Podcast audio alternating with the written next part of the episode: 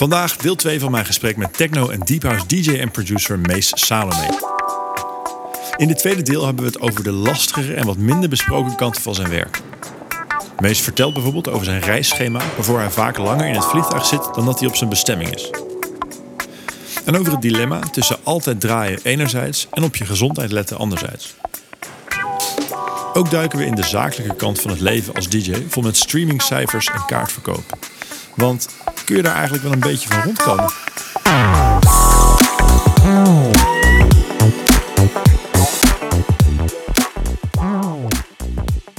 Want eh, je zei toen straks natuurlijk op een gegeven moment dat je, het voorbeeld dat je vertelde bij je ouders aan tafel, ze vroegen wat wil je nou echt? En toen zei ik, ik wil DJ worden. Nou, ben je ondertussen. Ehm, is het, misschien hebben we het net al besproken, maar wat, wat is dan voor jou nu de grootste realisatie van hey, dit is echt wel. Wat is het grootste verschil tussen je droom om DJ te zijn en de realiteit van het DJ zijn? Ehm, ja, dus al die randzaken. Zeker, daar heb ik me echt wel op verkeken. Ik wist ook wel dat erbij hoorde natuurlijk. Ehm, en daar, daarnaast ook bijvoorbeeld... eh, ik, ik krijg veel de vraag van mensen van... eh, of eigenlijk meer de opmerking... oh, je mag de wereld rondreizen. Dat is echt super vet. Echt fucking, fucking cool, bla bla. Maar uiteindelijk, als ik op tour zou gaan... dan Ja. ga ik, ben ik bijvoorbeeld eh 36 uur aan het reizen. Speel ik twee uur en dan ben ik binnen twee dagen weer thuis. Ja. Maar dus er, zit helemaal geen wereldreiziger Nee, achter. Of zo. bent niet even geen backpacken. Nee, meer ik in ben- een vliegtuig aan het zitten dan. Precies. Vliegtuigen, hotels, eh, vliegvelden. En dan ben je twee op, eh, op, in een club of zo. En dan ga je Ja. weer naar huis. En dat... Ik ben niet zo'n solo-reiziger van mezelf. Ik ben wel zo'n persoon die gewoon lekker op zijn eigen plekje... eh, Ja, een beetje een huismus. chillen. Een beetje een huismus. Ehm, maar daar doen we echt gekeken hoe stressvol dat kan zijn. Ja. Ja. En, het is ook eenzaam en ook best wel... Ja, het is gewoon best wel apart. ja, het is gewoon niet heel leuk dan in jouw beleving. Niet altijd, nee. nee uiteindelijk zijn de optredens zijn echt super vet. En Ja. het is leuk om, om uh, ook op die andere plekken te komen. Maar tegelijkertijd zijn die andere plekken zo vreemd dat het ook... Je ziet er eigenlijk bijna niks van. En Ja. daardoor ken je het ook allemaal niet. En dan ben je daar een soort van een hele vreemde wereld. Ja, In in je je eentje. eentje, natuurlijk, veel. En, ehm, want hoe weeg je dan? Het is natuurlijk ook een zakelijke afweging. Maar met van ga ik dat soort shows dan doen als ik ze niet zo leuk vind, maar ze zijn misschien wel weer belangrijk voor jouw Hmm. carrière of zo. Eh, eh, ja, die tegenstelling, is die er en, en hoe ga je daarmee om? Zeker, zeker. Ja, ik, ik sta er op dit moment gewoon heel erg in van... Ja, die dingen horen er gewoon bij. Je moet gewoon toch struggelen om daar uiteindelijk eh groot uit te komen. En dat, dat is gewoon zo. En het, is ook, het klinkt allemaal ook mega negatief. Het is natuurlijk een super grote eer dat je dat mag doen. En het is super vet dat je daar mag staan. En Ja. soms pakt het super goed uit en soms gewoon helemaal niet. En Ja. dat, dat weet je gewoon nooit totdat je het een keer meegemaakt hebt. Eh, maar het belangrijkste is uiteindelijk dat, dat het effect heeft op jouw profiel. Dat is uiteindelijk waar je voor gaat. Dus als, er een, als je een show gaat doen in het buitenland voor, ja, weet ik veel, 50 man of eh, in een show in een plek waar nog nooit iemand van gehoord heeft, dan heeft het qua profielontwikkeling niet zoveel zin. En dan kan je eerder zeggen, oké, dan heeft het eh, misschien geen effect. Ja, Dat is het belangrijkste. Het wel effect op je profiel? Ook al is het dan een hele vervelende tour om te doen, dan moet je dat gewoon doen. ja, ja, dus je kijkt wel naar dan zo effectief mogelijk die soort van eh, de dingen die je niet zo leuk vindt. Dat moet dan nou eenmaal wel doen, maar dan liefst wel dat het dan ook effect heeft, zeg maar, voor Ja. je profiel. Ja, precies. Sowieso, dat is een beetje de afweging. De- maar dus andersom zijn natuurlijk ook wel, is er ook wel een grens aan. Ik kan me voorstellen. Je kan ook zeggen, als je dit heel erg doet, dat je over vijf jaar heb je een fantastisch profiel, maar je bent wel doodongelukkig. Weet je wel, dan, dan Ja. ja, dat is misschien ook niet. Dan, dan heb je ook iets niet goed gedaan, zou, ik- zou ik zeggen. Dus hoe, hoe waak je daarvoor? Goeie vraag. Ehm, ja, het belangrijkste is om gewoon goed bij jezelf te blijven, I guess. Gewoon eerlijk te zijn in wanneer het te ver gaat. Ik heb, ik heb ook wel zo'n tour meegemaakt... waarin je dus echt, echt tot aan wanhopig toe in het hotel zit... en op een gegeven moment denk van ja, ik ga dat gewoon niet meer afmaken. Ja, Want dan uiteindelijk, als je het ook niet echt, echt niet meer leuk vindt... Kijk, bij alles wat je doet horen eh, momenten die niet leuk zijn. precies. Een beetje Alle- struggle is wat je net zei. Dat, is ook, dat hoort erbij. Hoort erbij. Als het, als het alleen maar leuk is, dan klopt het niet. Ja. Dan- ja, dan- ga je misschien, neem je misschien te weinig. Dan daag je jezelf misschien een beetje weinig uit. Bijvoorbeeld, ja, of, eh, of, of je verliest je interesse erin. Of je hebt dan te veel drugs gebruikt. ja, bijvoorbeeld. Ja, of je verliest gewoon je interesse, want dan is Ja. het alleen maar leuk en dan wordt het het standaard dat het leuk Ja, is. En is dan, wel saai. precies, dus dat, dat hoort er gewoon heel erg bij. En eh, dat maakt het uiteindelijk ook heel, eh, hoe noem je dat? eh, voldoenend als het wel gewoon goed gaat. Ja. Als het wel leuk is. En- maar ja, als je, als je het echt niet leuk vindt, dan is het niet meer de moeite. Want uiteindelijk, en dat is natuurlijk ook een privilege die we vooral in Nederland kunnen, kunnen gebruiken. Dat we zeggen van nou, ik ga doen wat ik leuk vind. Ja. En dat is in dit geval ook wel een beetje zo. Maar die kans is niet zo groot dat je dit, dit mag doen. Dus je moet er soms iets meer voor afzien om het Ja. wel in stand te houden. ja. Maar het is dus een beetje een balans vinden dan tussen wanneer, wanneer wordt iets te veel afzien en wanneer moet het eventjes. Ja. Ja, zeker. Maar nogmaals, de, de shows en de dingen, die positieve die wegen daar gewoon 100% tegen Ja, op. ja, dat is echt de, de feit dat, dat ik dit mag doen, dat is. Dus een soort van terugkijkend kun je ja. natuurlijk wel de balans opmaken. Ja. Eh, klinkt alsof je dan zegt van terugkijkend is wat ik tot nu toe heb gedaan. In ieder geval bij far de moeite waard van de struggle. zeker. Ik kijk het eigenlijk alleen maar terug op positieve momenten. Ja. Al die negatieve dingen die neem je mee, maar dat zijn niet, dat zijn niet de, de, de Die dingen die erbij de, blijven. de toon voor jou. Nee. En dat lijkt me dat is heel fijn ook. Ja. Hey, Cas hier. Superleuk dat je luistert naar Werk, Werk, Werk. Ik hoop dat je het wat vindt en dat je de show wilt supporten. Dat kun je doen met drie simpele stappen. Stap 1. Laat een review achter en geef Werk, Werk, Werk 5 sterren, zodat meer mensen de show kunnen vinden. Stap 2. Abonneer je op Werk, Werk, Werk door op volgen te klikken in je favoriete podcast-app. Stap 3.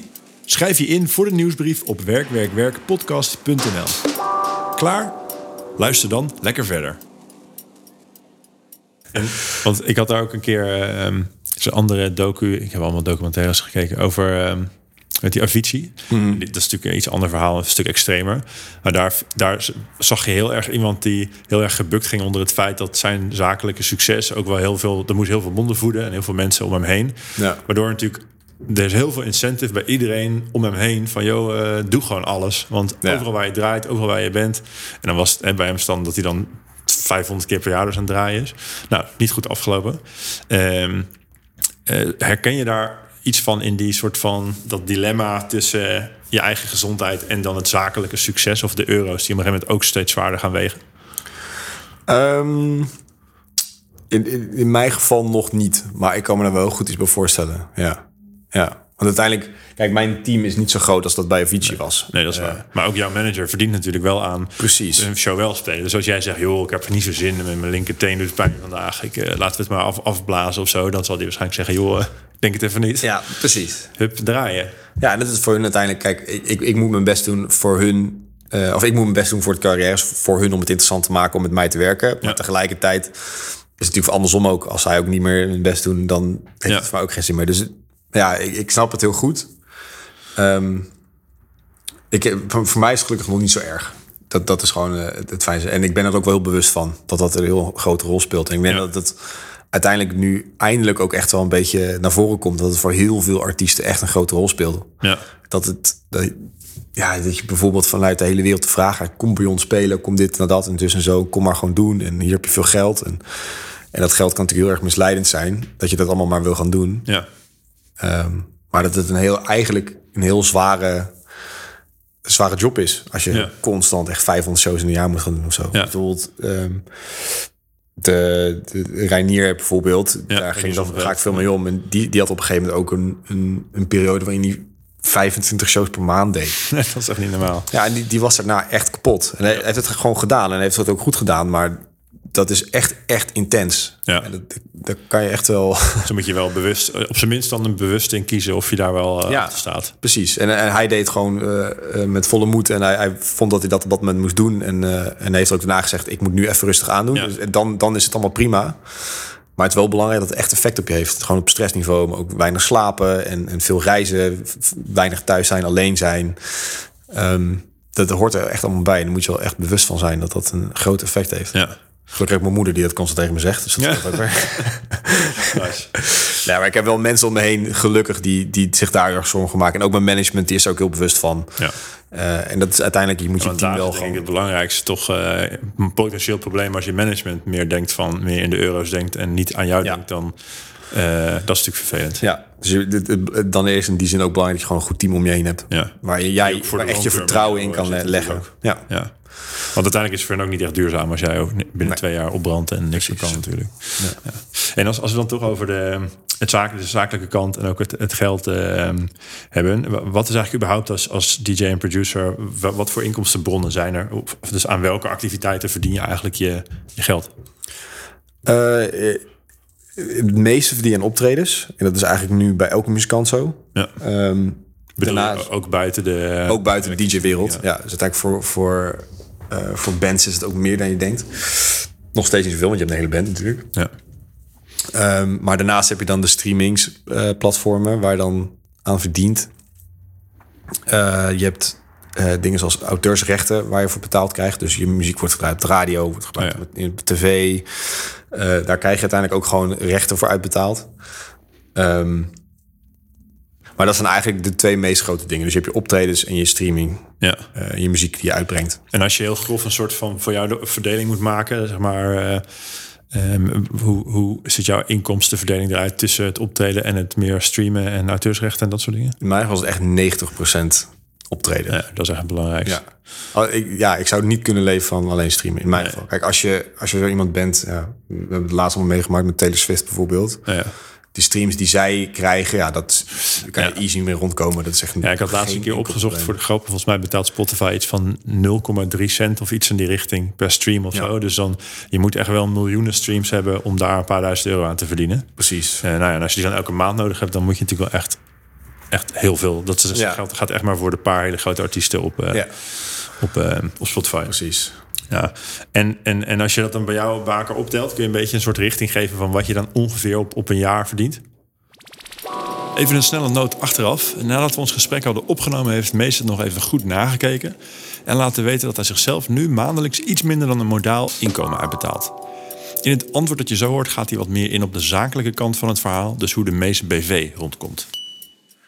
Het afgelopen jaar heb ik als onderneming dan omzet gemaakt. Um, maar daarbij heb ik echt wel, ja, je betaalt natuurlijk sowieso iets uh, 30% belasting ja. of zo. En daarbij heb ik ook nog iets van drie kwart of zo geïnvesteerd weer terug in het bedrijf. Ja. Um, waar je dus echt van alles. Dus je hebt uh, Instagram um, advertenties. Je betaalt uh, bijvoorbeeld feesten, lichtmannen, uh, geluidsmannen, uh, fotoshoots, videomannen. Nou ja, maar dat haal je er allemaal nog. Masteringen, nieuwe gear, bijvoorbeeld zoals speakers of ja. een nieuw studio. Dat soort dingen komen allemaal. Ja, okay, dus er moet best wel voordat je op je soort van bruto marge, dus wat je overhoudt, ja. dat is nog best wel een groot verschil. Ja, en ik ben natuurlijk ook echt in het begin van fulltime ja, gaan. Dus nu relatief ja. veel. Ja. ja. Nice, maar dat is dus wel, is natuurlijk nog een beetje moeilijk dan te zeggen wat je overhoudt. Maar ik kan me voorstellen, als je, zeker als het investeren daar ook een beetje minder wordt, mm -hmm. dat je hier wel gewoon echt prima uh, van kan leven straks. Zeker, ja. En dat deel je ook, want dat heb ik dan nog niet genoemd, maar ik heb bijvoorbeeld ook een management fee die moet betalen. Die gaat er ook nog weer uit. Een boekingsfee die dan per boeking dan nog uh, ah, ja. afgerekend wordt. Dus uiteindelijk, als je, stel je zou het nog, je kan het heel goed doorgroeien als je naar het buitenland weet te, weet te gaan. En dan inderdaad kan je er best wel goed. Als je alle investeringen gedaan hebt, dan ja. is het redelijk, uh, is het prima om te leven.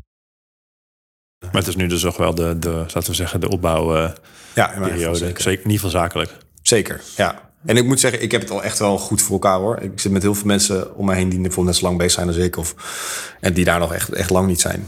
Ja. En dat is echt samenwerking met je management en je boekers die, die ervoor zorgt dat de fees een beetje omhoog gaan. Ja, ja wat ook natuurlijk wel is dat als DJ, ik denk binnen de muzikantenwereld is het ook wel een van de zakelijk gezien betere keuzes. Omdat je nou eenmaal niet met een band of zo moet je eerst al alles door zes bandleden delen. En dan heb je nog allemaal troep die je moet Precies. meeslepen overal ja. naartoe en zo. Ja. Dat is natuurlijk veel lastiger om daar echt uh, goed van te leven. Ja. Zeker. Dat is een heel groot van. Ik, een wat ik moet meenemen is een USB-stick en koptelefoon. En ja. dan kan ik ja. gewoon aan de gang.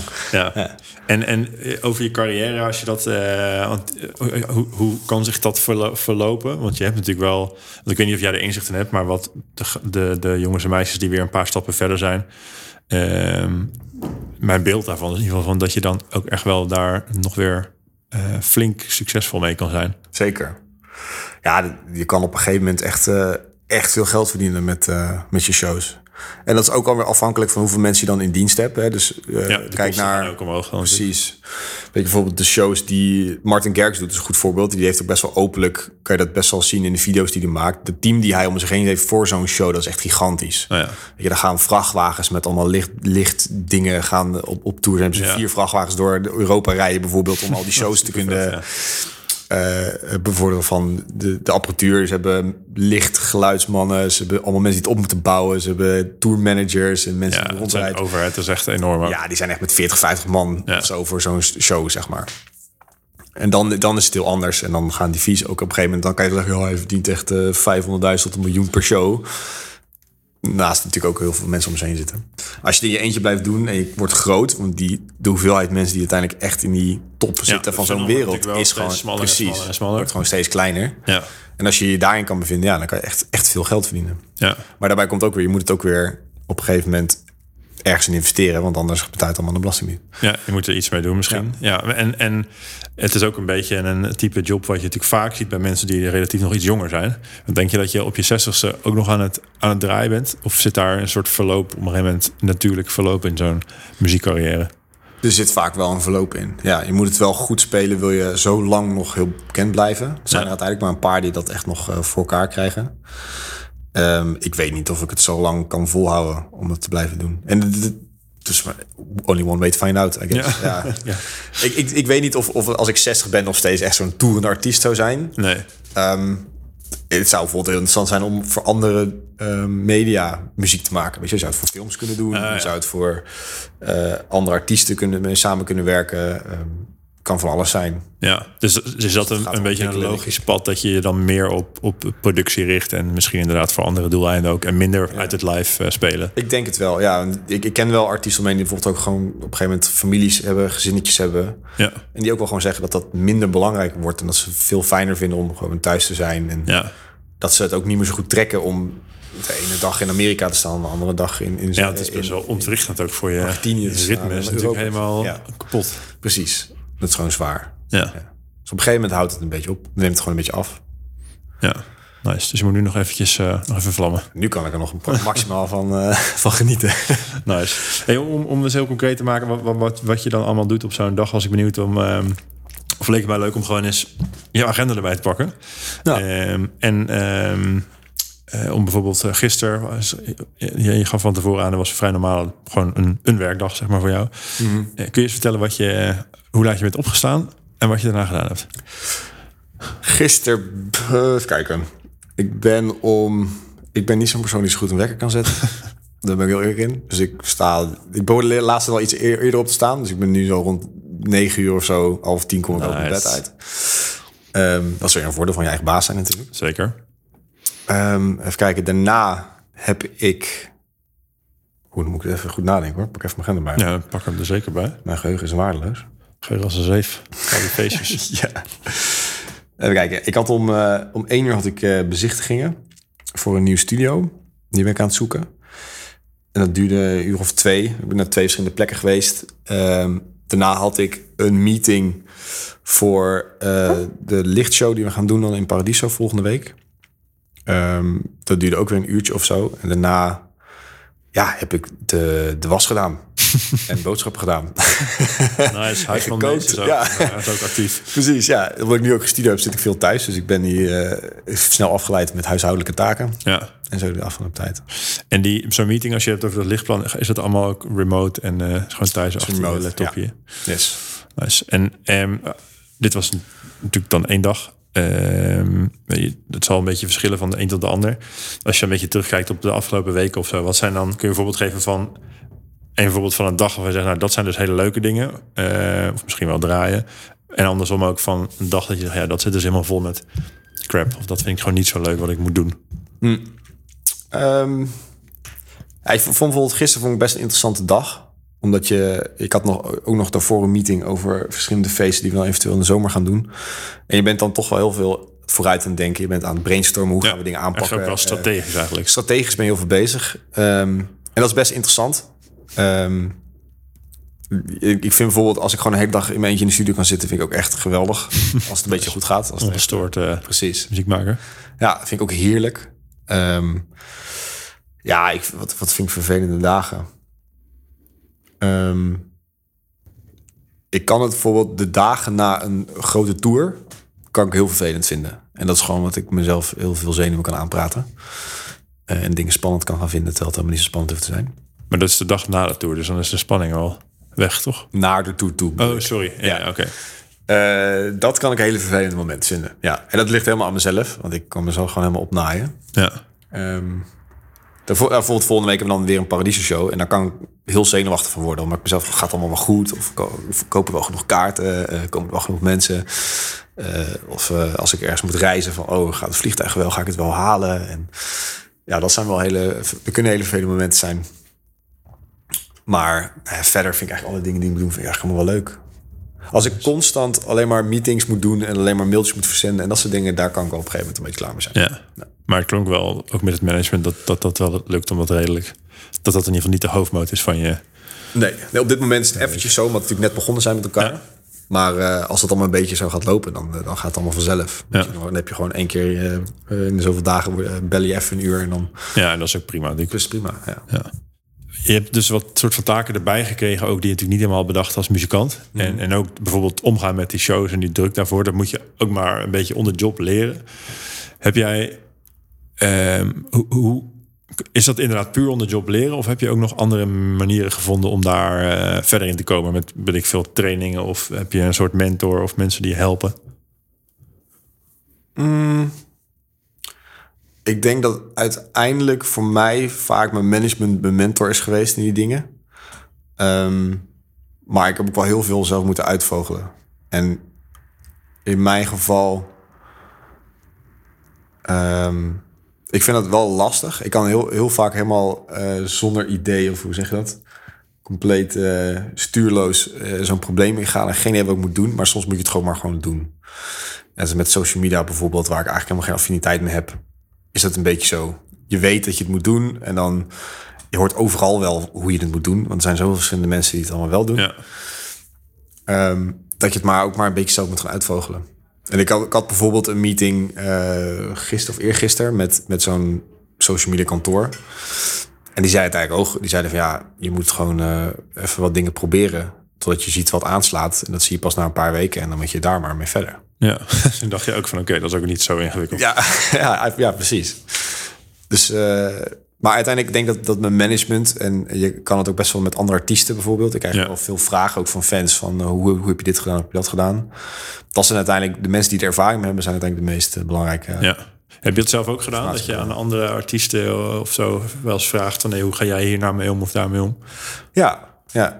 En in mijn geval heb ik er veel dan bij Reinier aan gehad. Ja. Hij was echt wel een beetje mijn mentor in zijn, eh, en eh, onze manager ook zeker. Ja, Eh Beun heb ik daar heel veel, heel veel aan van geleerd. Ja. ja. nice. Is het ook in, de, in deze scene dat je echt zo'n echt zo'n scene hebt inderdaad van, van een aantal artiesten die jij ook deed tegenkomt overal? Ja, ja. Ja, dat is heel leuk. Je komt best wel, omdat je de sound die wij hebben zweeft zo'n beetje tussen de. Ja, eh, het wijkt een beetje af van techno, maar het is ook niet echt iets van IDM of iets anders of zo. Het is best wel een klein, klein wereldje. Dus je zit met een paar artisten, zit je daar echt wel in. En dan kom je dezelfde mensen tegen. In Nederland is dat natuurlijk hetzelfde, want dan heb je nog je een kleine over de wereld. hele wereld ook tegen waarschijnlijk. Soms wel, ja. ja. Dan, dan, ja, bijvoorbeeld, ik stond op Cirque Mystiek twee weken terug met eh Joachim Pastoor. En dan, die heb ik nou echt al eh, twintig keer ergens tegengekomen. Of Ja. zo. En dan, dan ga je gewoon een beetje, beetje kletsen, een beetje chillen. Ja, Ja, het is wel grappig. Nice. Je, bent uiteindelijk echt wel een beetje collega's van elkaar als je een paar keer tegenkomt. Ja, precies. Maar dat kan ook wel, eh, wel sterk zijn of zo, toch? Als je daardoor ook een beetje wat van elkaar kan leren. Je bent natuurlijk ook een soort concurrent, maar in ieder geval, als- ik weet niet of je dat heel spannend vindt, maar dan Ja. heb je natuurlijk wel wat aan elkaars ervaring. Zeker, ja, ja. Er zijn echt wel eh, veel Nederlandse artiesten waar je uiteindelijk gewoon veel mee omgaat en waar ik goed mee klikt. En eh, daar, daar klets je gewoon veel meer over dingen. En Ja. over hoe zij het gedaan hebben, maar over hoe jij het doet en hoe het gegaan is en zo. En dan, dan leer je ook echt wel hoe de wereld in elkaar steekt. Ja, En, eh, en hoe andere mensen het ook echt ervaren. Van het, het mooiste is, was bijvoorbeeld eigenlijk tijdens corona, waarin dus ineens geen oh ja, ik voor jullie muziek ook weer gespeeld tijd. Ja. en eh, om dan met andere artiesten te praten, hoe, hoe, hoe zij ermee omgaan en hoe het voor hun is. Ja, dan leer je pas echt hoe, hoe het leven in elkaar steekt. ja, hadden jullie toen een soort artiestenpraatgroepje opgezet? Nee, dat, dat niet zozeer, maar je had wel contact met mensen. Gewoon eh, via Instagram of eh, dan kwam je eens een keer in- inderdaad ergens tegen op een feestje of op een eh, optreden. ja, En dan ging je daar gewoon echt even mee kletsen en praten. En, en zo voel je, word je toch gewoon vrienden met elkaar. Ja. Dat is echt, echt leuk. nice. Toch je een dat collega's. Het is verder natuurlijk best een solistische business eigenlijk. Toch Ja. een soort DJ-collega's. En denk hoe, hoe, hoe hoger je komt er in die, eh, in die hiërarchie, zeg maar. Ja, Hoe vaak je met dezelfde mensen staat. ja en het is hoe, hoe vaak je kleiner en constanter ook misschien wel. Ja, precies. Nice. En, en als je ehm, een beetje nog naar de toekomst kijkt. ehm, ik neem aan dat de komende jaren nog veel gefocust gaan zijn op en verder bouwen eigenlijk. Ehm, dus ik was wel benieuwd hoe jij dan voor jezelf... Wat is het soort van succes of zo? Als je daar bij wijze van spreken vijf jaar voor uitkijkt. Hoe definieer je dan voor jezelf wat jij succes vindt? Ja, dat vind ik een hele moeilijke vraag. Ehm, voor mij is het eigenlijk het belangrijkste dat ik dit kan delen met de mensen die daarnaar willen luisteren. Ehm, voor mij, ik doe het niet voor het geld of ik doe het niet voor de fame. eh, maar voor mij is het belangrijkste dat ik dit kan doen zol- zolang het leuk is voor mij en dat ik daar andere mensen in mee kan nemen. En dat, dat is uiteindelijk mijn succes. En maakt het je nog uit hoeveel mensen je erin meeneemt? Ehm, ja, niet heel erg. Het, je, je werkt altijd naar meer. Maar zoals ik zei, die getallen zeggen me eigenlijk nooit zoveel. Ehm, ja, nee, ik heb niet per se een, een echt deadline waar ik denk van, dan, nou ben ik gelukkig. Nee, ja, ja, maar dat, dat is soms ook wel lastig. Want dan kun je ook altijd op zoek zijn naar meer of...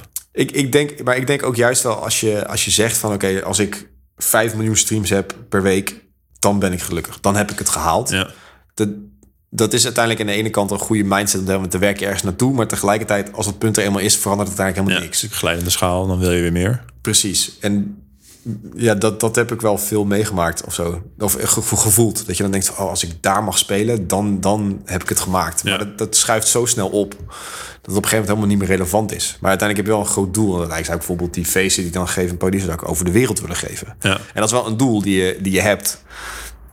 Maar ik kan er niet zo, ik kan niet zeggen, oké, dan moet ik vijf landen hebben gehad en dan Nee, oké. gelukkig. Maar het is dus wel ergens zo, als je nou over vijf jaar precies op dezelfde plek staat als waar je nu staat, zou je kunnen zeggen, nou dan heb je dus mensen die luisteren, je kan ervan leven. Ehm, maar het klinkt alsof dat dan misschien toch niet helemaal in je succesdefinitie zou passen. Dus dan heb je toch blijkbaar wel een bepaalde gedachte bij vooruitgang die je hoopt te boeken. Ja. Ja, dat is waar. Ja, ik, ik wil wel groeien. Dat is natuurlijk dat is mijn doel. Dat is mijn zakelijke doel. S- eh, mijn persoonlijke successen liggen als ik er gelukkig van kan blijven zijn. Ja. En een zakelijk doel, ja, ik zou wel willen groeien. Ik zou wel eh, eh, ja, de feesten de wereld rond. Ik zou meer in het buitenland willen spelen. Ik zou meer. ik zou bijvoorbeeld uiteindelijk een label willen starten waarin datzelfde concept wat ik met Distant vet, heb kan, kan doorzetten naar andere, met andere artiesten samen. Ja. Dat zijn allemaal wel doelen die ik heb. Ja. Nou, gaaf. Dus daar zitten ook wel wat, hoe zeg je dat, soort uitbouwmogelijkheden. ja. Dat je niet alleen maar, meest, zeg maar jezelf bent, maar ook dat daar omheen steeds wat meer eh, ontstaat. Ja. Ja, ik, werk al best wel lang aan dat distant concept. Dat is natuurlijk dat is een concept waarin je heel veel creativiteit kwijt kan. Daar kan je heel veel dingen. Distant heel is jouw, ik ken het vooral van de playlist. Ja. Is dat ook het, het hoofdding? Di- Distant is, eh, dat is begonnen als een set, een soort radioshow, Ja. één keer per maand. Ehm dat doe ik nog steeds, doe ik nu al, wat zal het zijn, vijf jaar. Zo. Ehm, en daar zijn we uiteindelijk feesten gegeven onder die naam. Eh zijn we begonnen in Marketing, zijn we uiteindelijk nu naar Paradiso. Eh, we hebben op het strand in Den Haag hebben we wel eens feesten. En dat concept is voor mij, wat we, waar we het eerder ook over hadden, is een, een, een soort gelegenheid creëren voor mensen om even alleen maar of even los te kunnen komen van je, van je emoties of van je Ja. spanning en gewoon de muziek jou laten leiden of je laten Ja. voelen. Minder te denken, maar gewoon te laten gaan. Ehm, Heet het daarom ook distant? Om een beetje afstand te nemen van Ja. het dagelijkse leven. precies, ja. Eh, dat je je echt even laat, los laat gaan. Dus op zo'n feestje is het veel makkelijker. En met drugs wordt het nog makkelijker. Ehm, maar dat je, dat je echt even kan luisteren. Gewoon echt even los kan laten. Gewoon, best voorbeeld gewoon bijvoorbeeld met je ogen dicht op de bank zitten. Koptelefoon op en gewoon luisteren. Ja. Dat je even, los, even En niet anders liefst, meer liefst met jouw playlist aan dan. Dat is natuurlijk Dan- altijd fijn.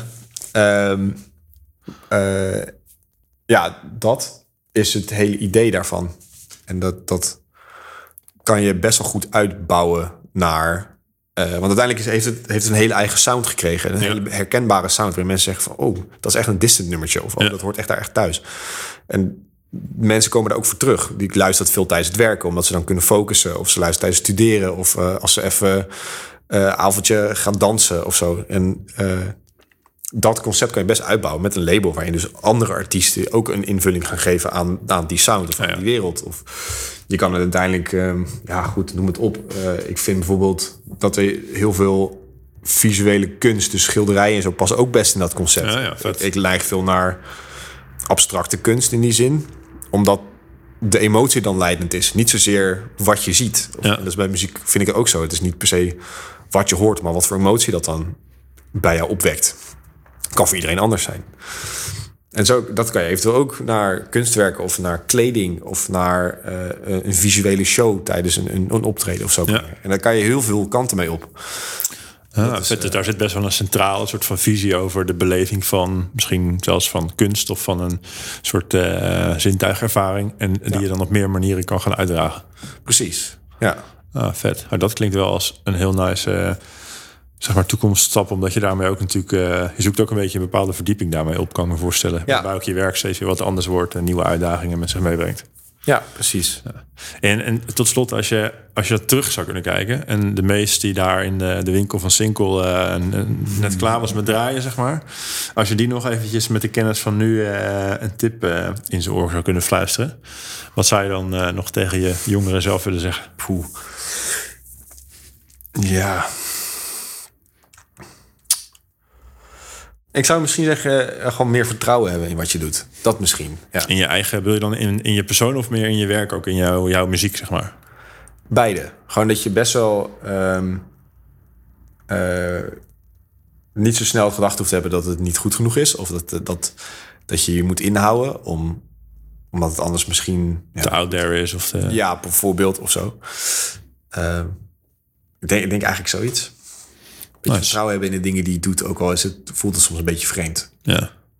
Nou, klinkt ook wel, het is wel mooi als je nu die tip kan geven. Dan betekent het waarschijnlijk ook dat je zelf die, eh, die learning soort van hebt of die reis gemaakt hebt. Dus dat je zelf op de goede pad bent daarmee. Ehm, ik, ik wil je voor nu eh, vooral heel erg bedanken voor eh, je tijd en het open delen van jouw verhaal. Super interessant. Ehm, als mensen jou nog iets willen vragen, ehm, kunnen ze jou volgens mij altijd op Instagram een eh DM'tje sturen. En zolang ze je niet meer uit eten vragen, beantwoord je ze volgens mij ook nog best wel vaak. Zeker, ja, ik antwoord heel veel, ja. Nice, dus doe dat zeker. Ehm eh, luisteren naar kan natuurlijk op Spotify, Soundcloud of eh, waar je ook naar streaming wilt luisteren. Ik zal ook even een linkje zetten op eh werkwerkwerkpodcast.nl. Ehm, en dan voor nu, Mees, eh, super bedankt. En ik hoop je over een paar jaar eh, opnieuw eh, te kunnen interviewen. En dan eh, over het Distant Concept. Ja, leuk. Ja, daar ben ik zeker bij. Gezellig. Bedankt voor het luisteren naar deze aflevering van Werk, Werk, Werk. De podcast over het werkende leven. Op de website werkwerkwerkpodcast.nl vind je een samenvatting en links naar bronnen uit dit gesprek. Ook kun je je daar aanmelden voor de nieuwsbrief, zodat je nooit een aflevering hoeft te missen. Daarnaast hoor ik heel graag wat je van deze aflevering vindt en wie ik nog meer zou moeten spreken. Laat het me weten in een review in je favoriete podcast-app of stuur een berichtje via de website werkwerkwerkpodcast.nl. Dankjewel.